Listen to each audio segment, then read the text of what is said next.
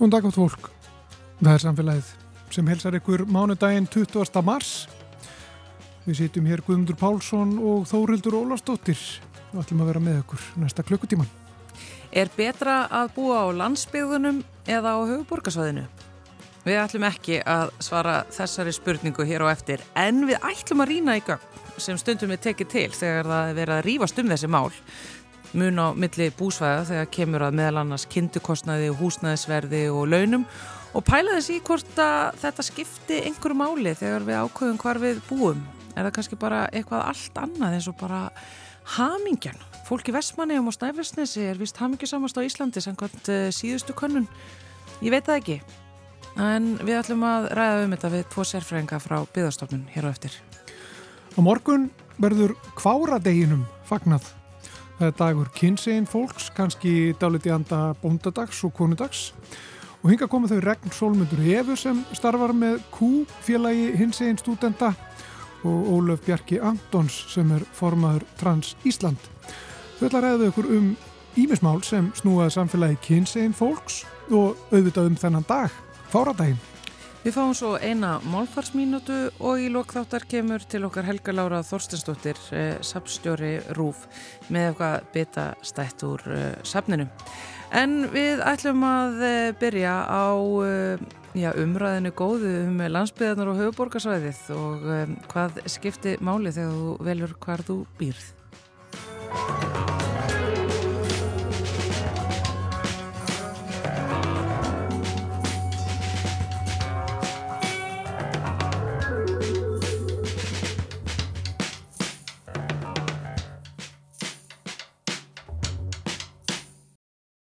Hvort er betra að búa á landsbyðunum eða á höfuborgarsvæðinu?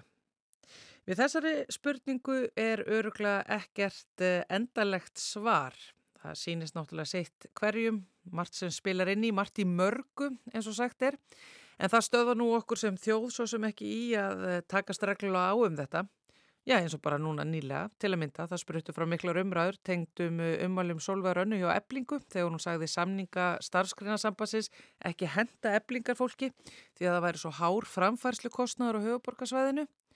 Og þetta kveiktu nú aldils í fólki og á samfélagsmiðlum og í heitapottum þessa lands var rætt um launamun og lálauna og hálaunasvæði og ramaks og kynningakostnað og leikskólagjöld og byggtíma, leig og húsnæðisverð, vegalengdir og samgöngur og þjónustusteg og matvalaverð og frambóð og hvað eina. Og eflust er einhver munur á þessu öllu saman eftir því hvar þú býrð. Þau eru hér hjá mér tvö frá byggðastofnun.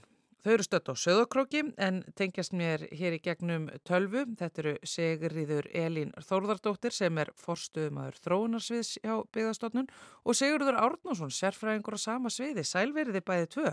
Já, kontu sæl. Kontu sæl að blessaðið. Sko, Sigriður og Sigurður, ég ætla ykkur ekki að svara þessari spurningu hvar sé best að búa á landsbyggði eða höfuborgarsvæði, en ég veit hins vegar að byggðastofnun sapnar allskins svona gögnum og samanburði og hvaðina sem að tengjast þessum eiligar átökum, er það ekki rétt hjá mér? Jó, það er rétt. Við höfum verið í nokkur ár til dæmis að bera saman orkukostnað heimila, þar sem er verið að skoða hvað kostar að, að hýta og, og, og hvað rama kostar á einstökum þéttbílistöðum og, og reyndar í dreifbíli líka. Og þar sjáum við til dæmis að, að það er ódýrast, ódýrast orkkostnarinn á Seltjarnanessi og hann er til dæmis bara helmingurinn af því sem hann er, segjum á Ísafjörði eða eitthvað slíkt. Mm. Nú við höfum sömulegis verið að bera saman fastegnagjöldin sem að náttúrulega eru fastegnarskattur, lóðarlega, fráveitugjald, vaskgjald, sorpgjald og það er mjög mismunandi líka bara eftir, eftir stöðum, hvernig, hvernig það er. Það er eins og að seltjarnanis til dæmis í efstasæti á meðan að, að svona minni staðir í kannski fjölkjarnasveitafjölugum eru með lagstu gjöldin. Um, við höfum líka verið að horfa á hluti eins og atvinnutekjur, þær eru mjög mismunandi eftir svæðum. Þar hafur til dæmis fjárðabigð skorað einna hæst á meðan að kannski svæði til dæmis eins og norðanvert Vesturland, hún hafa síslur og, og, og svona dreifbílið í á Suðurlandi hefur verið að skora lægra. Mm. Þannig að við erum að reyna að sapna gögnum og setja þetta fram í mælaborðum til þess að bara umræðan sé upplýstari. Þannig að, að menn viti allavega um þessa þætti, hvernig þeir eru mismunandi á milli e, staða, sveitafélaga og landsluta og svo framvegis og svo er það þá hægt að byggja stefnumótu til dæmis eins og með niðurgreifslu á húsitunarkostnaði að einhverju leiti á þessu ætla menna að grípa til einhverja aðgera til þess að jafna þessa stöðu. Já, þannig að þetta, það er svo mikilvægt að þetta sé upp á borði. Nákvæmlega og, og, og, og þessu gögg séu til í tíma þannig að þetta með sem svo breytingar á niðurgreifslu á húsitunarkostnaði, hvernig er það að koma inn mm. og breyta frá einu ári til annars. Já og að, gögn, og að stefnumótun byggi alltaf á bestu fáanlegum gögnum hverju sunni. Já. Eru þessi gögn mikið nýtt? Finnst þér það, Sigriður, að, að það sé almenn meðvitið um að, að þið eru með allar þessar upplýsingar innilegjandi hjá ykkur? Já, við teljum svo að vera. Það er heilmikil umferð á, á, á, í þessu gögn hjá okkur og, og, og það hefur verið þó nokkuð mikið rætt um þetta náttúrulega. Það kemur, kemur oft í fréttum vitna þessu gögn hjá okkur og það er líka gaman að segja frá því tengslum við þessi svona fastegna um, húsnæðisumræðu að við gerðum rannsókn hérna og byrstum í ríti sem á kom út núna í desember sem ber heiti byggðarfest og búförlaflutningur á Íslandi mm. og í tengslum við fastegna verð við könnum hvar helst fólk vildi búa eða fastegna verð væri allstæðar það sama á landinu og niðurstofu benda nú til þess að meiri hluti fólks í flestum tegundum byggðarlega vilji helst búa á núverandi stað óháð fastnaverði. Þannig að það er svona, það er það þú komst inn á hvað er best að búa. Svona í flestum tilvill vil, vil fólk helst búa bara það sem það býr. En það er þá kannski eh, verið að deila um að ég hafi það verð heldur en e, þið þarna dekurliðið í, í öðrum landsluta eða í öðrum þéttbíliskjarna af því að ég þarf að borga miklu hærra ramagsverð eða kynningakostnað ég legg meir á mig heldur en nágranna mínir og, og, og samlandar. Já, en það er nú bara þannig að í dag búa í kringum sko tveir þrýðju íbúa landsins á höfubrökkarsvæðinu og kannski þessi, þetta fámenni sem er hér á, á Íslandi með önnur, önnur, önnur lönd og sérstaklega kannski við byrjum okkur saman við Norður, Norðurlöndin það sem að eitt þriðji íbúa Dammerku býr á Kaupanhafnarsvæðinu og, og fymtungur íbúa á, í Svíþjóð býr á Stokkólmsvæðinu það er kannski þessi stað og ásand fámennina á Íslandi sem við stundum leitt til þessa umræðinu byggðamál á Íslandi hafa haft tilnefinguna til þess að hverfast um ykkur anstæður, mm. höfuborgarsvæði versus uh, landsbyggðir. En hins vegar er það náttúrulega alveg ljóst að svona í alþjóðlegu sam, samkeppni Íslands þá er það náttúrulega er hátt í að Reykjavík sem höfuborg og höfuborgarsvæði sem heild þarf að hafa sterkar stöð í samkeppni við borgarsvæði erlendis um fólk og, og fyrirtæki. Gleimis kannski í þessari umræðu að hugsa þetta líka þarna út fyrir landsteinuna? Akkurat. Já, svo er líka hægt að halda áfram með þessu umræðu sko. Hvar byrjar höfuborgarsvæðið og hvar endar það? Nákvæmlega. Byrjar það við Kvalfjörð og, og Helliseiði og Ströymsunna við Hafnafjörði eða nærða austur að Kvolsvelli og upp í Borgarnes og, og, og hvernig er þetta? Og, og svo þegar við talum sko okkur degur liðið sem að búum við svona góð kjör út á landi sko, þá líka þetta að taka umræðina, erum við þá að horfa á þetta mismunandi til dæmis eftir aldur skeiðum. Já.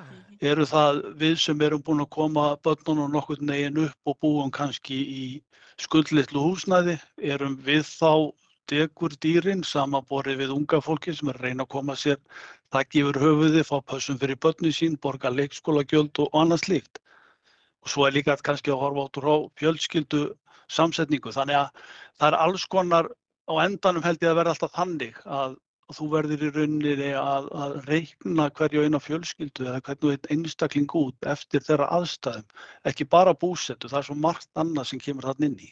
Já, þú flettir ekki upp í þessum gögnum hjá ykkur á byggðarstofnun og ákveður, já nei, nú flytt ég á seltjarnanes, nú ég bara, get ég ekki lengur verið hér. Er það, það, það er vantilega engin að gera það út af rafmakskostnaði eða kynntikostnaði? Ég bara, við getum ekki fullið þetta. en við sjáum líka sko, í rannsóknum hjá okkur, það eru ótal margir búsett þættir sem hafa náttúrulega áhrif á hvar fólk vil búa og, hvar, og hvar, hvað hefur áhrif að búsetu ánæg og það hvort að fólk vil vera um kyrst eða færa sem við set en það er nú bara þannig að, að svona fram til þessa hafa svona framfæslu og aðtunumál verið grundvöldur svona ákvarðanatöku fólks um búsetu. Já. En við sjáum það lít, líka uh, í þessum rannsóknum sem við hefum gert og, og að það er til, að það er til þetta lítill munur á, á hérna svona það sem er lítill munur á möguleikum fólks til framfæslu þá gáttu þættir að borði fjölskyldutengsl eða náttúrufegurð og fjölbreytni verslunar eða möguleika, möguleikar afþrengu vegið álíka þungt og launakjör eða betur launakjör áhugaverð störf. Já. En eftir því sem meiri munar á framfæslu möguleikum á milli svæða þá er fólk tilbúin að þess að færa sem við sett og jafnvel þótt að þýtt, gæti þýtt eh, kostnaðsamt eða jafnvel erfitt og jafnvel, líshættilegt ferðalag. Þannig, að það er svona, það er, það er íminnslegt í framtíðin líka, sambandi við sem við þurfum að asa spá í líka, það er, það er tildulega þó að fáir, tildulega fáir í dag kannski er í þeirra aðstöðu að, að þurfa ekki að mæta á okkur ákveðna starfstöð þá, þá svona til lengri tíma litið þá, þá mun þessi samskipta tækni sem við erum að upplefa, hún hefur nú þegar skapað ótal nýtt tækifæri til þess að búa og starfa já, fjarrri ykkur um höfðustöðum stofnana eða vinna tímabundin verkefni hvar sem er. En ertu þá að segja að, að með því, mitt Sigurður, svona landslutabundin hérna launasvæði, hálunasvæði eða lálunasvæði, muni þá jafnvel þurkast út? Já, já, ég veit þannig ekki hvað þau þurkast út en ég held að næsta árum þá muni þessi mörg sem við tölum um svona vinnu og þjónustu sokna svæði svona öllum líkendum svona vika og dopna mm. þegar við getum í vaksandi mæli svona ferða að sækja vinnu og verslun og þjónustu og mentun og jafnvel aðfræðingu hvert sem er, hvaða sem er óháð tíma og rúmi það munu tímanlöst önnur svona búsættu gæði einnig hafa áhrif á búsættu val fólks yeah. og þá svona sjáum við alveg fyrir því að svona öll byggðarlög munu standa frammi fyrir bæði nýjum áskorunum og nýjum soknafærum. En þó að þessi mörg séu einhver leiti þá með breyttum atvinnum möguleikum og, og tækni að færast til og þurkast út að þá eru náttúrulega alræmt láluna svæði á Íslandi og hálunasvæði og það blasir við þegar maður skoða gögnin hjá okkur. Já, já, það er alveg rétt og, er, og, og, og til dæmis ef við tökum eins og, og fjárðabíðina þá hafa þeir verið með tildulega hálaun núna undafarið í þessum greiningum okkar á atvinnutekjum og það byggja náttúrulega bara á þessum sterku atvinnufyrirtækjum sem eru þar og þar sem eru velborgandi störf. Þannig að hérna og móti kemur kannski að svæði sem að kannski, ég segjum byggja á sögfjárrækt og þar hefur afkoman verið afleitt undan farið nár. Mm -hmm. Þannig að, að þau svæði eiga þá eðlilega undir högg að sækja hvað þetta varðar. En haldið þið þetta bytni á möguleikum þessara svæða til framþróunar eins og til dæmis í húnavarsíslunum sem lánlunasvæði að, að, að af því að þau eru þekkt af þessum gögnum fyrir það að það takja af þeim einhverja svona Já, bara fólk sem vil flytja þarna eða búa þarna eða stopna til fyrirtækis eða eitthvað slíkt. Já, ég held að þetta sé náttúrulega þannig að, að menn verða náttúrulega vita hvað er í gangi og, og þó að það sé slæm stað á einhverjum einum stað, segjum eins og þú ert að nefna í húnláðsíslum, að þá er samt þó nokkuð að gera starf, menn hafa verið að, að hérna, stopna til fyrirtæki á blöndósi og, og flytja þánga starfsemi bara tökum sem dæmi. Þannig að ég held að það sé ekkert neikvægt í sjálfu sér skakvært því hvað þú ert að velja þér. Það er eins og Sigriður Elin kom inn á. Mm. Það eru svo fjöldamarkir aðrir þættir sem fólk er að horfa í. Já. Sko, hvaða gögn er, finnst ykkur vera svona eh, mest verið að taka til? Veist, er fólk að rýfast mest yfir því hvaða þarf að borga ótrúlega háa leigu og húsnæðisverð á höfuborgarsvæðinu meðan að fólk að köldum svæðum telur til hvaða borga fyrir að kynntu púsin sín? Veist, hvað er svona mest svona skautunar atriðið af eh, því sem að þið sapnið saman? Já, svona, ég veit nú ekki alveg hvað ég segja við öllu þessu en e, það er náttúrulega alveg ljóst að það er lægra leiguverð á húsnæðismarkaðinum þar sem hann er svona kannski grinnri eða kaldari og við sjáum til dæmis í landsbyðunum þá sjáum við þennan húsnæðisvanda byrtast kannski á annan hátt heldur en á höfbruksvæðinu, sjáum hann byrtast í í svona skorti á hendugu húsnæði, hvort sem er til leigu eða kaups mm. og þetta hefur náttúrulega vissilega haft á, neikvæð áhrif á svona þróun og uppbyggingu byggðalæga og atvinnulvís víða og tala ekki um það sem að húsnæðisverð er langt og lægra heldur en byggingakostnæð mm. og það getur bara verið mjög erfitt að fjármagna nýbyggingar og, og húsnæðasköp og sérlægi fyrir ungt fólk sem er að kaupa sína fyrstu eign en, en þegar við tala um svona það sem við sjáum uh, vanti gögn og við höfum nú verið að, að reyna að vinna því að, að, að hérna afla gagna um svona þessa vinnusókn.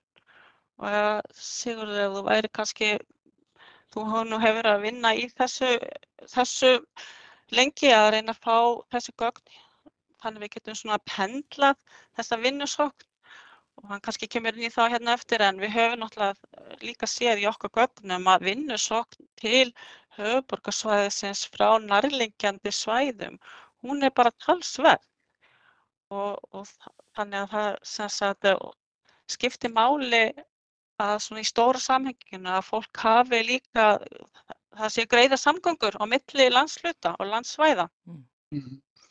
Og einmitt varandi pendlunna þá væri mjög Uh, eftirsóknarvert að, að komast að því hver nákvæmlega þessi pendlun er. Við höfum náttúrulega gögnum uh, hvar einstaklingar búa og, og, og Hagstofan er núna að safna gögnum um vinnustadi eða starfstöðar fyrirtækja.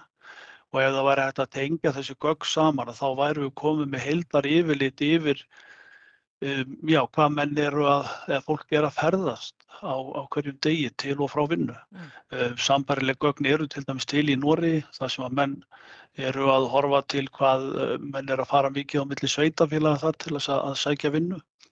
Þannig að, að þetta, er, þetta væri mjög gaglegt að, að fá þessi gögn. Nú, uh, svo erum við líka í verkefni, þetta er kannski að segja frá því, sem að snýra því að að reyna að finna út samfélagslega kostnað við að sækja ímsa þjónustu. Til dæmis eh, heilbyrðisþjónustu og annað slikt. Ég menna uh, það kannski á einhverju heilbyrðistofnun kemur inn sérfræðingur og, og, og tekur á móti kannski á annan tög fólks á, á einum degi í staðin fyrir að, að þessi hópur, 20 manns kannski, þurfi að að fara yfir á Akureyri, Reykjavík eða hvert það er til þess að sækja þessu þjónustu. Við höfum reyna að komast að því hver er þessi samfélagslegi kostnaður, ekki bara kostnaður einstaklingsins, þetta er líka atvinnulífsins og, og allra við, við það að, að, að, hérna, að fólk þurfa að fara um lengri veg í staðin fyrir skemmri. Og, og þar getum við til þess nefnt að við erum með á vefsíðan í okkur eitthvað sem heitir þjónustukort. Það sem er að sjá bara mjög hratt hvernig eh, ímis konar þjónusta dreifist á landið og hvar eru þá svona einhver bil í þeirri þjónustu mm. og við erum með þarna mjög marga þjónustu þætti inni til dæmis ef við myndum velja tannlækningar þá myndum við sjá að, að það vantar tannlækna á kannski stór svæði þar sem að fólk þarf að ferðast til langan veg til þess að, að vera svo út sem slíka þjónustu. Já hvað svona vantar? Veist, ættu við að vera að skoða til dæmis meira bara hamingju og, og, og, og eh, náttúru eh, tengsl og ég veit ekki, svona alls konar svona atriði frekar heldur en, en einmitt bara veist, laun og samgöngur og kynntukostnað og eitthvað slíkt. Já, Við gerum það nú reynda líka og, og í þessari, í þessari ríti sem við byrtum núna í desember byggðarfest á búfjöldaflutningar þá eru ótal margir þættir skoðaðir í tengslunum þetta og nákvæmlega þetta sem þú ert að tala um. Við höfum verið að skoða líka þessi, þessi staðartengsl sem eru gríðarlega mikilvæg og út frá bæði þjónustu og, og, og hérna, samgöngum og bara lífsgæðum Ég held að það, það, það skiptir gríðilega miklu mála og við höfum líka verið að skoða, við eigum reyndar held ég uh, gögnum það, hvar íbúr sig, eru, hamingi samastir. Mm. Og það er náttúrulega alltaf bara einstaklega spundið sem að er náttúrulega kannski bara endirinn á þessari spurningu hva, hvort er betra að búa á landsbyðunum með höfuborgarsvæðinu. Það fer bara eftir því hvað þér finnst sjálfum og byrtist ekkert endilega kannski í ramasreikningunum þínum eða launasælinum þínum eða, eða hvað eina. Nei, þeir gera það ekki. Það er bara, fólk hefur bara mismunandi, mismunandi skoðanir og, og, og vilja til þess að búa uh, hvað sem er. Það, það er bara marg, margir þættir sem móta já, áhuga fólks og, og skilir, á, mótar áhuga fólks til þess að búa það sem það býr sko. Mm. En af því að þið eru þessi sérfræðingur og sapnið þessu gögnum og fylgis kannski með þessari umræðu þegar hún fer á stað eins og hérna fyrir skemstu, finnst ykkur hún vera svona skemmtileg eða finnst ykkur hún kannski vera hættuleg fyrir svona litla þjóð að vera einhvern veginn að skipta sér í, í, í hópa og rýfast síðan? Já. Já, ég held að það sé björn mjög, mjög mikilvægt eins og ég kom inn að hérna upp, upp að vega. Við þurfum að horfa á Ísland sem eina heilt Við þurfum stert höfuborgarsvæði og þurfum sterkar landsbyðir og, og það er bara mjög mikilvægt að, að mall land sé tröstur innviðir bæðir efnaðslegir og samfélagslegir. Og það væri nú kannski eh, ekki gaman til dæmis í tengslu ferðarþjónustuna að, að, hérna, að heimsækja mannlausa byggðir ítla til reyka og við þurfum náttúrulega að standa, standa okkur í því að hérna, það er samkeppni um ferðamenn mm. á alþjóðavísu. Þannig að það er bara mjög, mjög, mjög, mjög mikilvægt að við sagt, byggjum upp sterkla innviði um allt land. Ef ég væri ekki með ykkur hérna í, í, í upptöku og myndi spyrja ykkur, getið þið svaraði hvort það er betra að búa landsbyggða höfuborgarsvæði, myndið þið koma með afdráttalust svar? Já, ég get gert það. Ég hef búið á höfuborgarsvæðinu og hef búið líka í landsbyðanum. Ég, ég kýrst frekar að búa í landsbyðanum. Sigurður? Já, það er náttúrulega sama. Ég bý hér og, og hef korsið það sjálfur að búa hér. En eins og Sigurður Elin sagði á þann að þá bara fer þetta eftir því eftir hverju er fólk að leita. Það held ég sé bara, sé bara megin svari við svona spurningu. Hvað, hvað er það sem þú vilt fá út úr þínu lífi eða, eða hérna, hvar líður þér best. Þannig að við erum þá kannski komin að þessari hamingjusspurningu aftur sem að þú varst að, að hugsa um áðun og, og uh, í fullkonum heimi gætum við öruglega sett upp einhvers konar happiness index en, en hérna, við erum ekki komið þangað. Já, Við býðum bara eftir því og höldum áfram að fylgjast með og ég vil taka þátti þessari umræðu. Takk kærlega fyrir að spjalla hérna við okkur í samfélaginu og bestu kveðir eh, til ykkar þarna norður á Söðakrók eh, okkar fólk í byggðarstofnun Sigriður Elin Þóradóttir, forstöðumar Þróunarsviðs og Sigurður Ártarsson, sérfræðingur á sama sviði. Já, takk fyrir. Takk fyrir.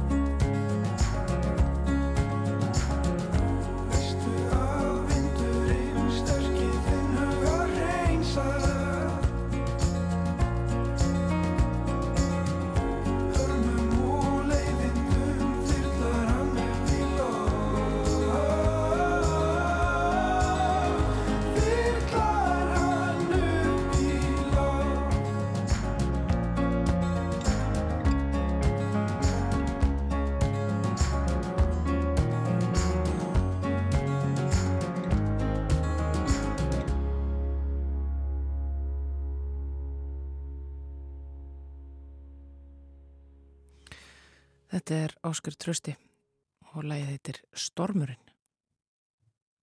Á morgun verður haldinn kvára dagurinn, það verður haldið upp á þann dag og það er kynsegin fólk sem að, fagnar þeim degi og þau eru sérst hérna hjá mér Ólaf Bjarki Antons sem er formaður Trans Ísland og Regn Solmundur Efu, verið velkomin Takk fyrir. til mín í samfélagið. Þessi dagur, kvára dagurinn, hann er um morgun, þetta er uh, nýr dagur, eða ekki, þannig laga, það hefur ekki verið haldið oft upp á kvára daginn.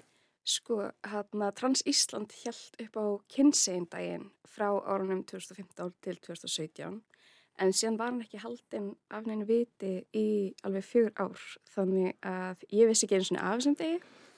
Þannig ég ákvað að sitja á Twitter að mér langaði að halda þennan dag. Og af hverju á þeim degi, skiptir það máli, hvenar, hvenar hann er haldinn? Já, sko, hvaradagurinn er haldinn á fyrsta deg innmánaðar og það er svolítið bara í takt við að uh, bóndadagur er haldur á fyrsta degi þorra og að kunudagurinn er haldur á fyrsta degi gói. Þannig þetta er mánuðin eftir það allt Já, í gamla tímatalinu. já. Og hvað er gert á þessum degi? Þetta er bara sama að fólk gerir á bóndadegi og kvennadegi. Þetta er bara svona fagna kvárunum í lífininu. Gefa þeim blóm eða, eða konfekt eða bara svona halda vel utanum þau. Já. Hvernig finnst ykkur samfélagi vera að breytast með tilliti til þessa? Er fólk opið fyrir því svona að að halda upp á þennan dag og, og er skilningur á því?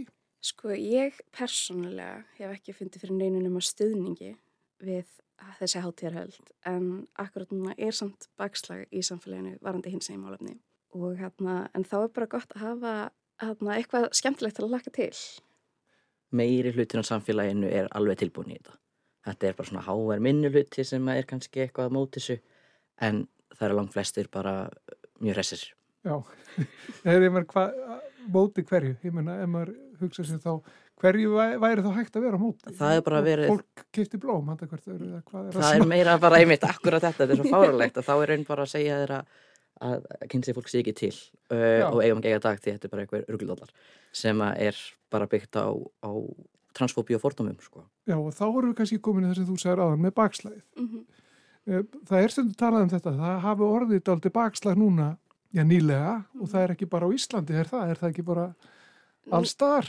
Ég myndi segja að Ísland væri væntanlega mikið skarra heldur en menn önnu lönd akkurat núna í þessu bakslegi þó að við finnum alveg bara áþreifanlega fyrir því á Íslandi þá til dæmis í bandaríkinum er verið að banna drag og jafnvel verið að setja fram frumvörp til að draga tilbaka löglegingu samkynni hjónabanda. Og í Breitlandi eru hlutur ekki frábæri heldur uh, þó að sé ekki neitt lögfest ennþá. Þetta er í raun bara Evrópa og báðar Amerikunar sem þetta er að ganga svona tilbaka sko. Og hvernig byrtist þetta? Þú myndist á þetta, það er verið að banna hluti og banna fólki að gera okkurna hluti. mm -hmm. Eh, hvernig byrtist þetta annars? Er þetta byrtast svona okkur stærri skala? Íslandi er þetta byrtast allt í fjölmiðlum bæði í gulupressunni og, og virtum fjölmiðlum á Íslandi uh, að sem að eru skrifaðar greinar gegn transfólki og ímislegt um, og svona umræða á samfélagsmiðlum í raun. Við sjáum líka að það er verið að gelta á hins einn ungmenni út á götu á Íslandi. En já, þetta er svona mest megnis í miðlum. Já, Já. og náttúrulega fjölmjölar bera ótrúlega miklu ábyrð þegar kemur að orðræði í samfélaginu. Þannig hérna samfélagin náttúrulega fylgir oft því sem er byrt í fjölmjölum, Mm varandi skoðanir. Já. En að því að minnist nefnd á orðræðuna, sko, að fyrir sumum er þetta daldi nýtt að nota orð eins og kvár, til dæmis, sem er tildulega nýtt í, í tungumálunu og það er svona, kannski daldi óöryggi einhvern veginn sem, að, sem fólk finnur fyrir að það er að, að vilja ekki mistiga sig eða, og sumir kannski bara vilja ekki, bara þóra ekki einhvern veginn að leggja í það, að, að eiga samskipti og, og nota orð sem að kann ekki eða eða er rætt við að særa fólk eða þess að þar. Ég held að það eina skipti máli er að vera með viljan. Mm -hmm. Eh, Það mistegur sér allir, uh, líka við Já, líka við. og það er svona, mér finnst leiðilegast þegar að fólk forðast að tala við mig út af hrættum að gera eitthvað vittlust. Í staðin fyrir að láta bara vaða og ef það er vittlust þá er bara hægt að leiðrétta það. Þetta er ekkert mikið mál. Við erum bara vennveit fólk, sko. Síðan er þetta bara ágætt hugaleik við mig. Ég meina, íslenska er lifandi tungumál og það er stöðt að koma inn ótrúlega flott nýjirði og, hérna, og við höldum íslenskuna lífi með því að búa til orð uh, sem að henda uh, í daglegri nótkun og hérna ef við hefum ekki orðin til að lýsa hlutum þá er bara mjög erfitt að tala um þá. Og þess vegna finnst mér ótrúlega fallegt að þessi orð sé komin og líka þess vegna vildi ég sérstaklega búið dag til að því að það var ekki komin einn kvára dagur um, þó ég vissi svo sem ekki af kynnseitinum á þessum tíma en þá hérna, held ég að bara tilurð orðsins kvár Já. hafi orðið svolítið uppsprettan af þessari hugmynd í rauninni. Og, og það orð, kvár það er orð sem er notað um fólk sem er kynnsegin, fullorðið fólk sem er kynnsegin Já, Já þetta er uh, nafnorðið yfir kynnsegin og bara öll þau sem eru ekki konur eða kallar mm -hmm. Og svo eru orð líka fyrir, fyrir ungmenni sem eru kynsegin, ekki mm -hmm. það er stálp. Það er stálp. Alveg stelpastrákur þetta eru falleg orð já. orð sem að ganga vel inn í okkar, okkar tókumál algjörlega og, og hérna þessi orð voru samþygt af hýrirða nefnd sem að er skipuð uh, ótrúlega flottu fólki í Íslenskri Akademíu líka þannig þetta fellur alveg fullkomlega að Íslenskri tungu og það er bara staðfest. Já, og svo eru persónufornum sem að fólk er aldrei, aldrei erfitt með líka, einhvern veginn að, að fóta sig í að nota rétt. Uh, og þið notið til dæmis persónuformri hán. Já. Já. Finnst ykkur, finnst ykkur óþægilegt ef að fólk rugglast eitthvað eða, eða kann ekki að sko að beigja þetta orð það er, er fólk, fólk rætt við það er alltaf læg að beigja það vittlist líka bara góð regla að þetta beigja til svo lán.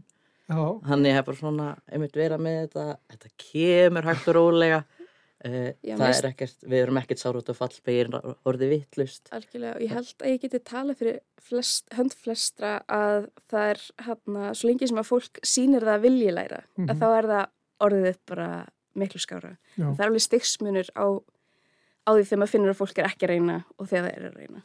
Þannig þú veist, þegar fólk uh, mistiður sig þegar það er að reyna þá er ég tilbúið að fyr, fyrirgefa það bara um leið. Já. Og þú sem er tilbúið að, að fyrirgefa. Og þegar ég fekk tölupústur á þér mm -hmm. og þá hugsaði ég hvernig, býtu nú við, hvernig á ég nú að ávarpa uh, regn sem er að senda mér þetta tölupúst og ég hugsaði, ef ég þarf að skrifa sælt, mm -hmm. sælt regn og þetta er fyrsta skipti sem ég geri það. Mm -hmm. og, og þarna áttæði með að því sko að jú, þetta er ekkert mál, þetta er ekkert mál. -hmm. maður þarf bara að gera þetta og ekki ekki vera svona búast við því að maður sé að gera eitthvað vittlust Algjörlega og hérna, ég held að það sem hefur komið svolítið vekk fyrir að fólk vilji nota yfir annar fólk er að, að fólk gerir svolítið tengingan um að hvorukynns endingar er bara við um hluti Einmitt. en við tölum samt um skáld í hvorukynni og börn í hvorukynni og barnið í hvorukynni þannig hérna þetta er ekkert nýtt svo sem yfir fólk heldur. Mm -hmm. Hvernig finnst ykkur, hvernig finnst ykkur uh, skólakerfið þegar kemur að þessu?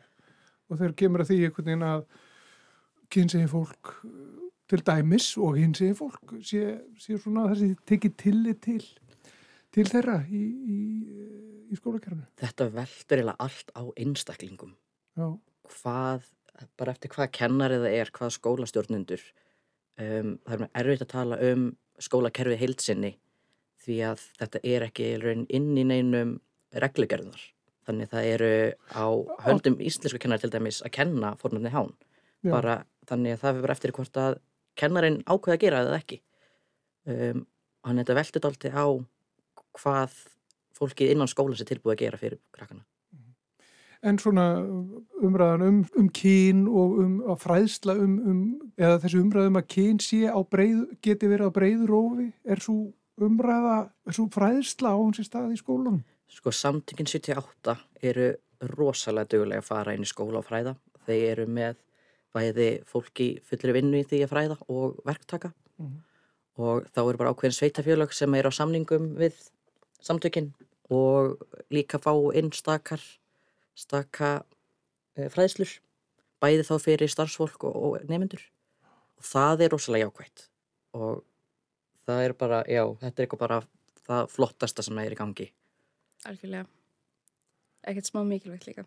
Og er fræðslan þá, er hún að frumkvæði samdagana til dæmis í þessu tilfelli eða er eitthvað í skólakerfinu sem bara, sem bara skólanir, þá að fræða já. Já, skólanir sem sagt byggja um fræðslur já. og eða sveitafjölegin eru með, mm -hmm. með um, samning þar sem á að koma inn í skólana. Já. Mhm.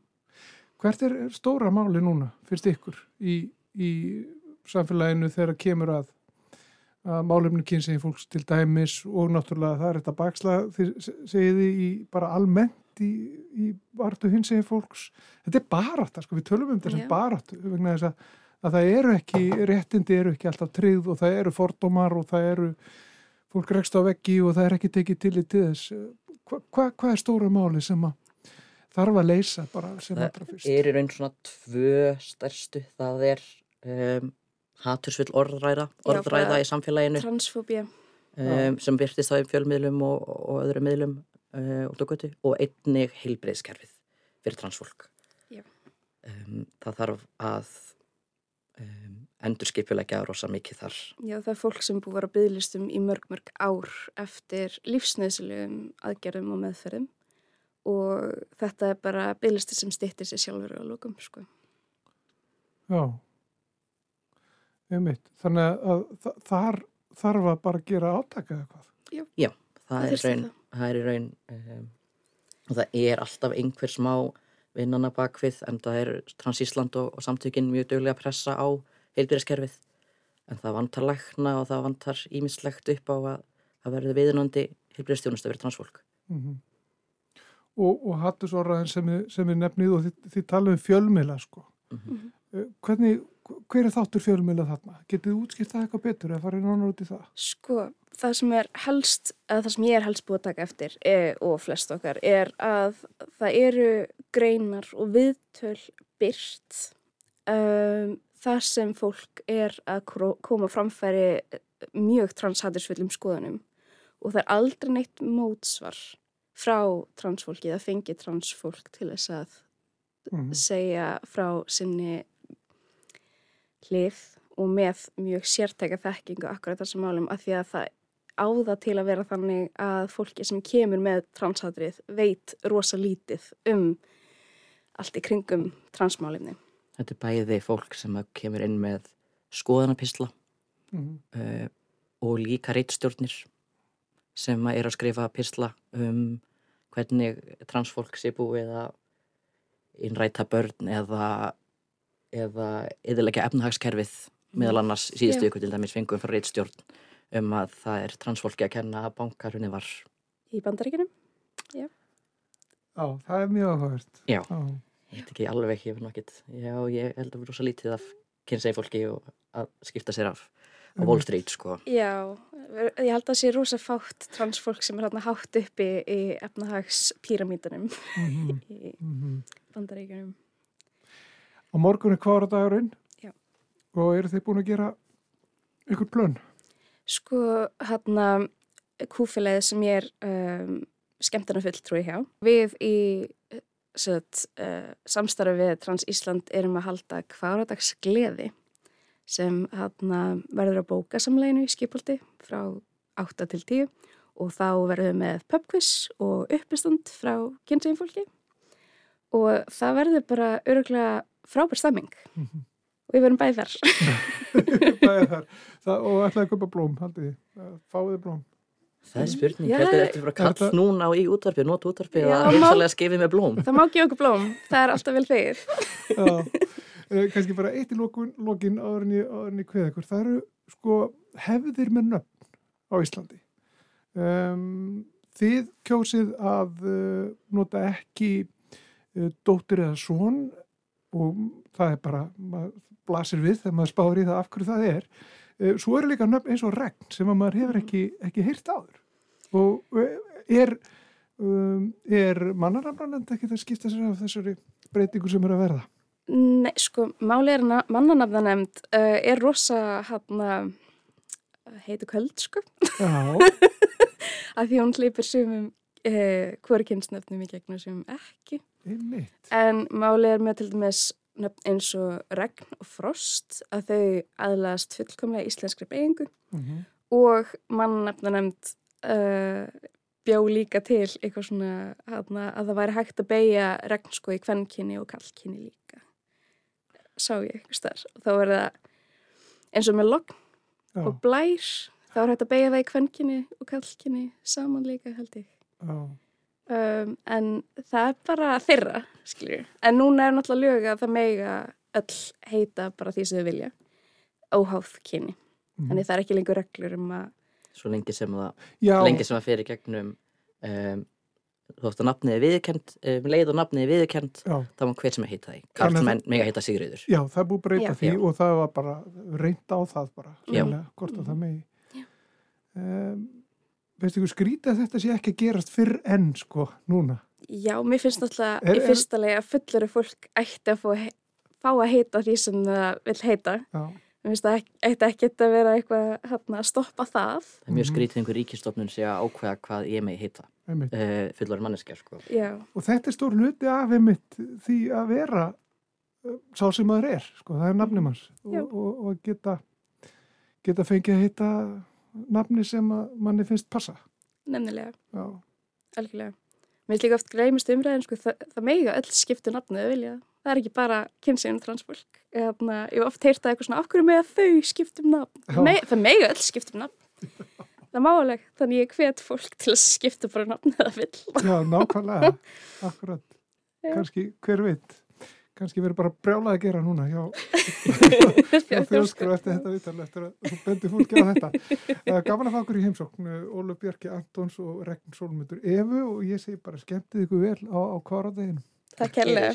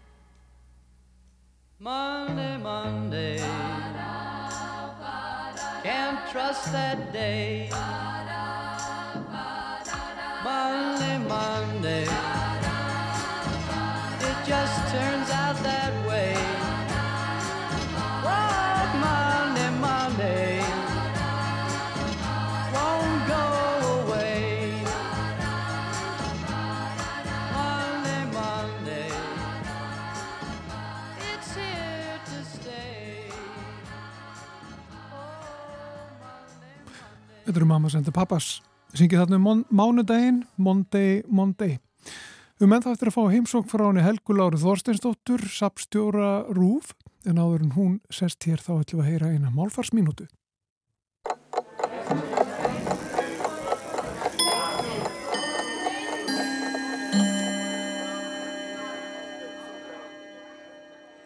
Sum tökuord bera framandlegan blæ en festast enguða síður í málinu. Þau bera oft með sér andblæðis tíma þegar þau voru tekin að láni. Dívan er þannig orð. Það verður algengt upp úr aldamótunum 1900, um það leiti sem Íslendingar fengu heimastjórn og ráþæra og efna fólk fór að byggja reysuleg hús og búa þau ríkulega. Til dæmis með dífunum og öðrum mublum. Já, orði mubla er einmitt eitt af þessum tökuorðum sem betri borgarar á Íslandi hafa sótt til dana úr efristjettum. Orðið möbel í dönsku er nefnilega komið úr frönsku sem alltaf hefur þótt frekar fín. Mublurnar liðu góðu lífi langt fram á fyrsta áratug þessarar aldar en orðið sést æsjaldnar því nú orðið tölum við oftast um húsgögn.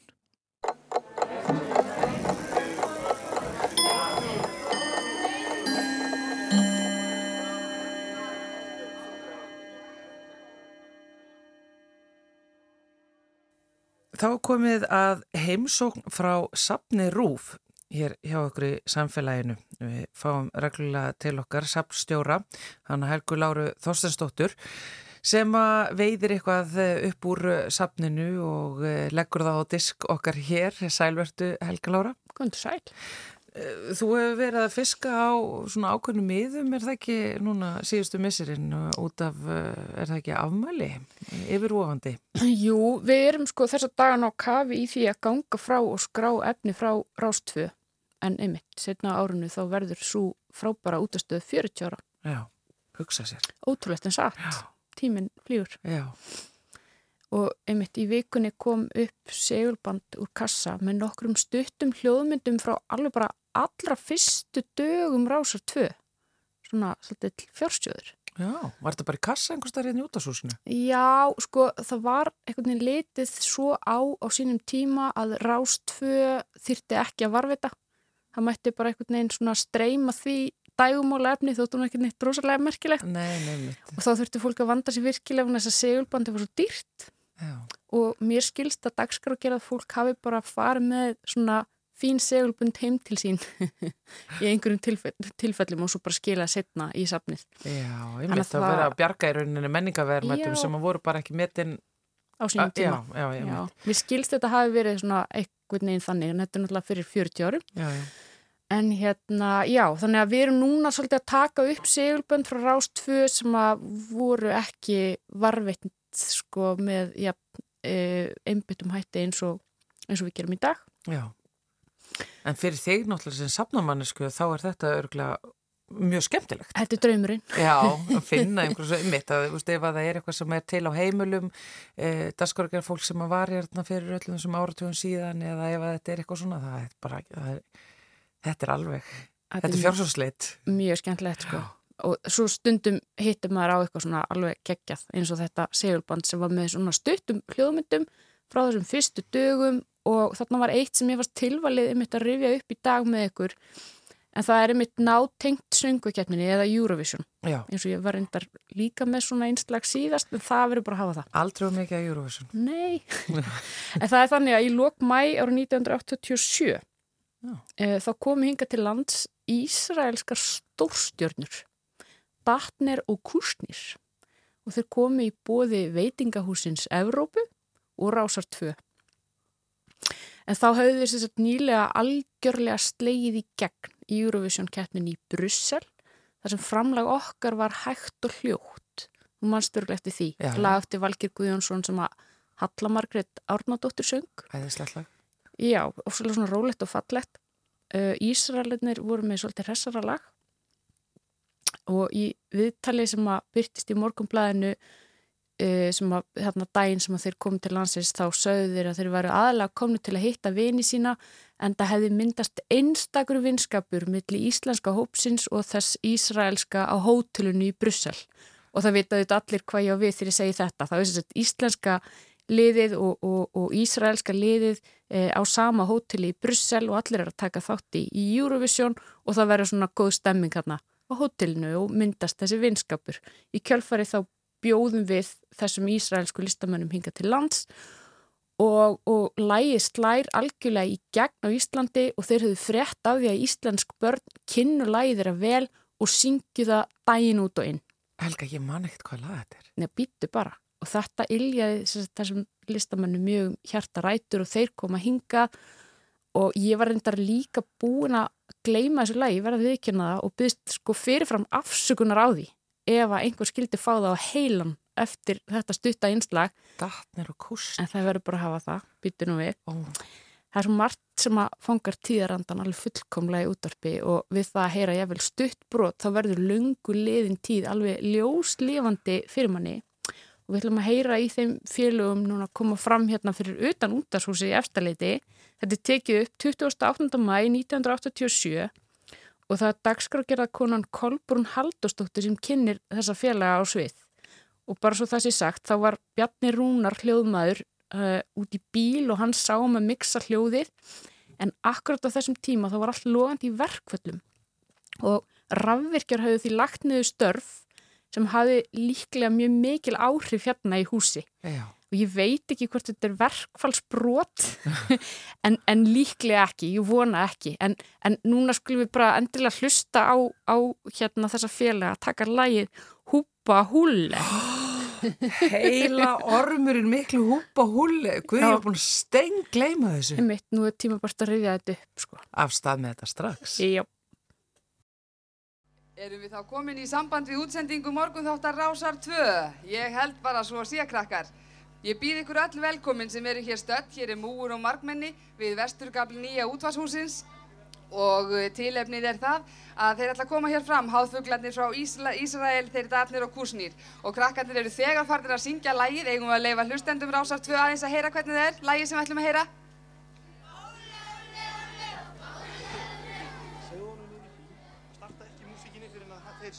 Já, það var nefnilega það. Nú, eh, við erum eh, með tæknilið ríkisútvarsins hérna hjá okkur, þrátt fyrir verkfall. Hann Bjarni Rúnar situr út í bíl og ætlar að hljóðblanda þetta allt saman og við byggjum hann að eh, starta ekki tónlistinni þeirra Nathans og Avís fyrir en þeir gefa honum merki. En nú bjóðum við velkomna hinga fram á gangstéttina til okkar, þá Danir og Kusnir.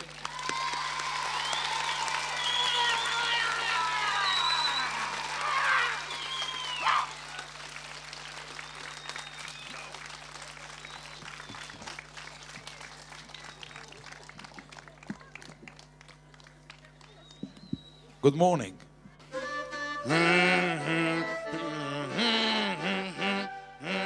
נו, בבקשה, נו. כל בוקר אני מתעורר בערך שעות העשר, רוצה לראות השמש, התריסים קצת מסתירים. פותח התריסים ולא רואה השמש, כי את השמש מסתירות שורות של בניינים. עושה לי כוס קפה ומדליק לי הסיגריה, יוצא אל המרפסת לפצח גרעינים. הציפורים יורדות לעציצים של המרפסת ומפזמות איתי את שיר הבטלנים. הופה הולה הולה הולה הופה הופה הולה הולה הופה הולה הולה הופה פה הופה הולה הולה הופה הופה הולה הולה הופה הולה הולה הופה פה בשעות הצהריים שולח את הכלב עם סל עשוי מקש לקנות לי מצרכים. כשהוא חוזר אני מכין לשנינו צהריים כי הציפורים אכלו את כל הגרעינים. פתאום אני שומע יש צלצול דופקים בדלת פותח את הדלת, נכנסת השכנה. שואלת בנימוס שאם זה לא יפריע היא תפזם איתי את ההופלה שלי. הופה הולה הולה הולה הופה הופה הולה הולה הופה הולה הולה הופה פה הופה הולה הולה הופה הופה הולה הולה הופה הולה אחר הצהריים יוצא לי עם הכלב לשאוף קצת אוויר בפארק מחוץ לעיר. הציפורים עפות מאושרות אל השמיים אני נשכב על הספסל חושב על החיים. אני חי לי במציאות כל כך נהדרת שוחה במערבולת של ים בלי דאגות. לא מבין איך אפשר לחיות היום אחרת ונרדם עייף מרוב המחשבות הופה!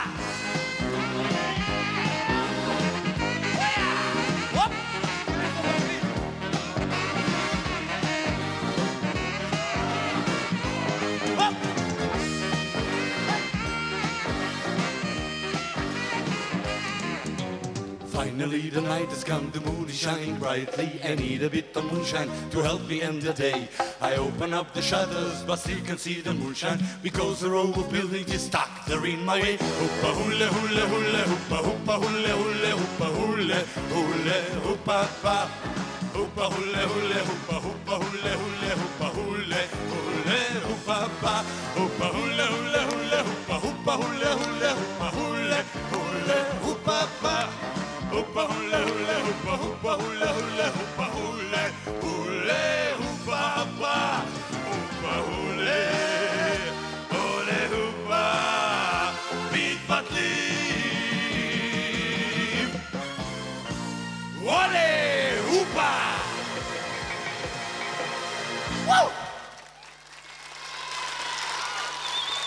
Thank you.